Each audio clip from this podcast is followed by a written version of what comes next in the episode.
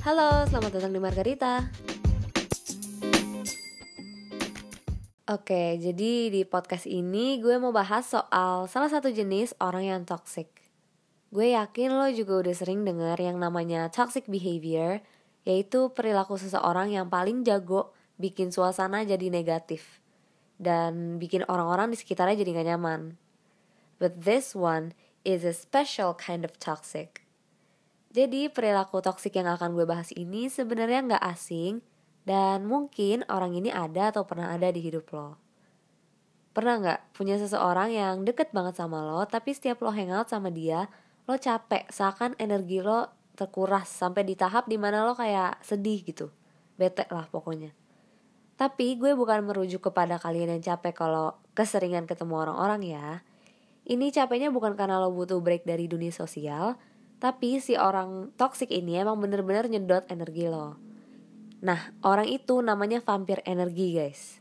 Ini bisa teman atau bahkan anggota keluarga atau pacar. Tapi parah sih kalau pacar lo energy vampire.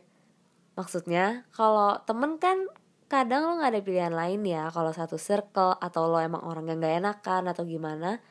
Kadang ya beberapa orang harus terpaksa ngefake karena daripada slack gitu kan, apalagi kalau masih SMA atau SMP, yang mana friendshipnya berasa kayak best friend forever gitu ya.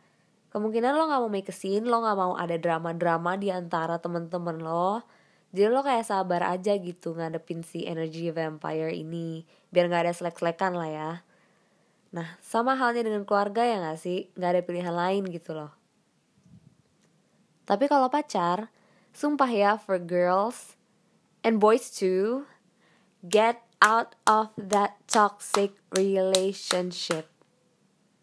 Kalau emang dia toxic, setelah lo putus lo bakal jauh lebih seneng, I guarantee. You deserve better. Titik. Period. Oke okay, soal relationship advice ya nanti aja ya di podcast selanjutnya kapan-kapan. Oke okay, balik lagi soal vampir energi ini Uh, oh ya, sebutan vampir energi bukan istilah klinikal ya, tapi sekedar julukan populer. Jadi lo bisa menginterpretasikan sendiri si vampir di kehidupan lo ini kayak gimana. Kalau kata salah satu psikiater dari Amerika Serikat, Dr. Judith Orloff, an energy vampire is somebody who literally zaps your energy dry. Tapi jangan salah, si vampir ini tampak luarnya tuh charming, charismatic, Pokoknya kayak tipe-tipe orang yang asik dan gak kelihatan kalau ngeselin gitu. Hampir energi ini juga nargetin orang-orang yang lo tau gak sih kayak baik banget gitu. Sabar, gak pernah julid, ya polos gitulah ya. Nah kalau kata saya to go di Youtube, ini enam tanda lo sedang berurusan dengan vampir energi. Yang pertama, vampir energi itu suka play victim.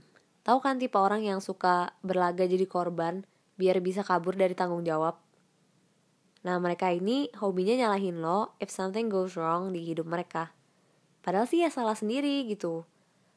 Mereka juga suka ngejebak orang-orang biar pada kasihan sama mereka gitu. Dengan play victim, si vampir bakal bikin orang-orang stay di sisi mereka dan ngelakuin apa yang mereka mau. Jadi dia kayak membangun pasukan buat ngebelain dia gitu loh. Berdasarkan studi oleh Lobel dan Saber, orang yang berperilaku kayak gini tuh sebenarnya struggle sama self esteemnya dia. Makanya nyari validasi dari orang lain gitu. Mereka ini klingi terus bergantung. Yang kedua, mereka narcissistic. Mereka ini self-absorbed, jadi selalu ngomongin tentang dirinya sendiri. Basically, mereka ngerasa the world revolves around them. Mereka juga gak suka dengerin orang lain gitu. Jadi kayak tipe orang yang kalau uh, lo tuh tahu cerita ceritanya dia karena dia selalu cerita. Tapi dia nggak tahu cerita cerita lo. Jadi pertemanan lo berdua ini kayak bertepuk sebelah tangan gitu ya. Sedih gak sih? Nah terus orang-orang ini tuh pinter ngomong jadi ya susah buat jauh-jauh gitu. Empatinya dia rendah dan biasanya pura-pura peduli sama lo kalau bermanfaat buat dia gitu. Nah yang ketiga mereka nyoba untuk mendominasi lo Tahu gak sih orang-orang yang suka ngerasa superior di antara teman-temannya? Nah biasanya orang-orang ini tuh aslinya insecure dan takut kelihatan lemah. Jadi mereka jatuhin kalian biar mereka kelihatan lebih di atas gitu. Mereka juga gak suka kalau lo achieve sesuatu. Pasti ngiri. Yang keempat, mereka bikin drama gak jelas. Nah, orang-orang ini suka bikin masalah either yang ada hubungannya dengan dirinya sendiri atau tentang orang lain. Intinya mereka harus jadi center of attention. Hobinya gosip yang gak penting. Kalau si vampir gak terlibat di drama, ya dia harus jadi orang yang tahu segala-galanya tentang drama tersebut gitu. Terus orang yang gak salah digosipin. Apalagi orang yang salah. Udah gitu gosipnya pasti dibumbuin deh. Kayak ceritanya dia tuh pasti ngadi-ngadi gitu. Udah gitu salahnya tuh bukan sama dia tapi ya tetap aja digosipin gitu. Yang kelima mereka kerjaannya kritik terus. Kalau nih orang bikin lo ngerasa buruk tiap lo lagi sama dia itu berarti dia toksik buat kesehatan mental lo. Kalau menurut gue kritik membangun tuh nggak apa-apa ya dan malah harus. Tapi kalau misalkan lo kayak apa pun yang lo lakukan di mata si vampir ini salah ya itu sudah menjadi uh, tanda gitu ya. Itu namanya mereka lagi memanipulasi lo gitu. Yang keenam mereka eksploitasi kebaikan lo. Nah hati-hati buat orang-orang yang emang dari dasarnya udah baik terus care sama orang-orang. Karena yang menurut si vampir pasti lebih gampang ngedeketin orang yang dari awal baik banget sama mereka gitu Nah gimana tuh kepikiran gak sih orangnya? Tapi ini gue serius ya kalau lo sadar dia vampir ya jangan juga lo musuhin, lo bully, lo pukulin gitu nggak ya? Nggak gitu ya, nggak gitu konsepnya. Lo bisa lebih baik daripada si vampir ini. Lo cukup bikin dia biar jadi nggak punya power lagi di atas lo. Caranya gimana? Ya jangan biarin dia nyedot energi lo gitu. Nah, ini tips dari nbcnews.com untuk melepaskan diri dari energy vampire.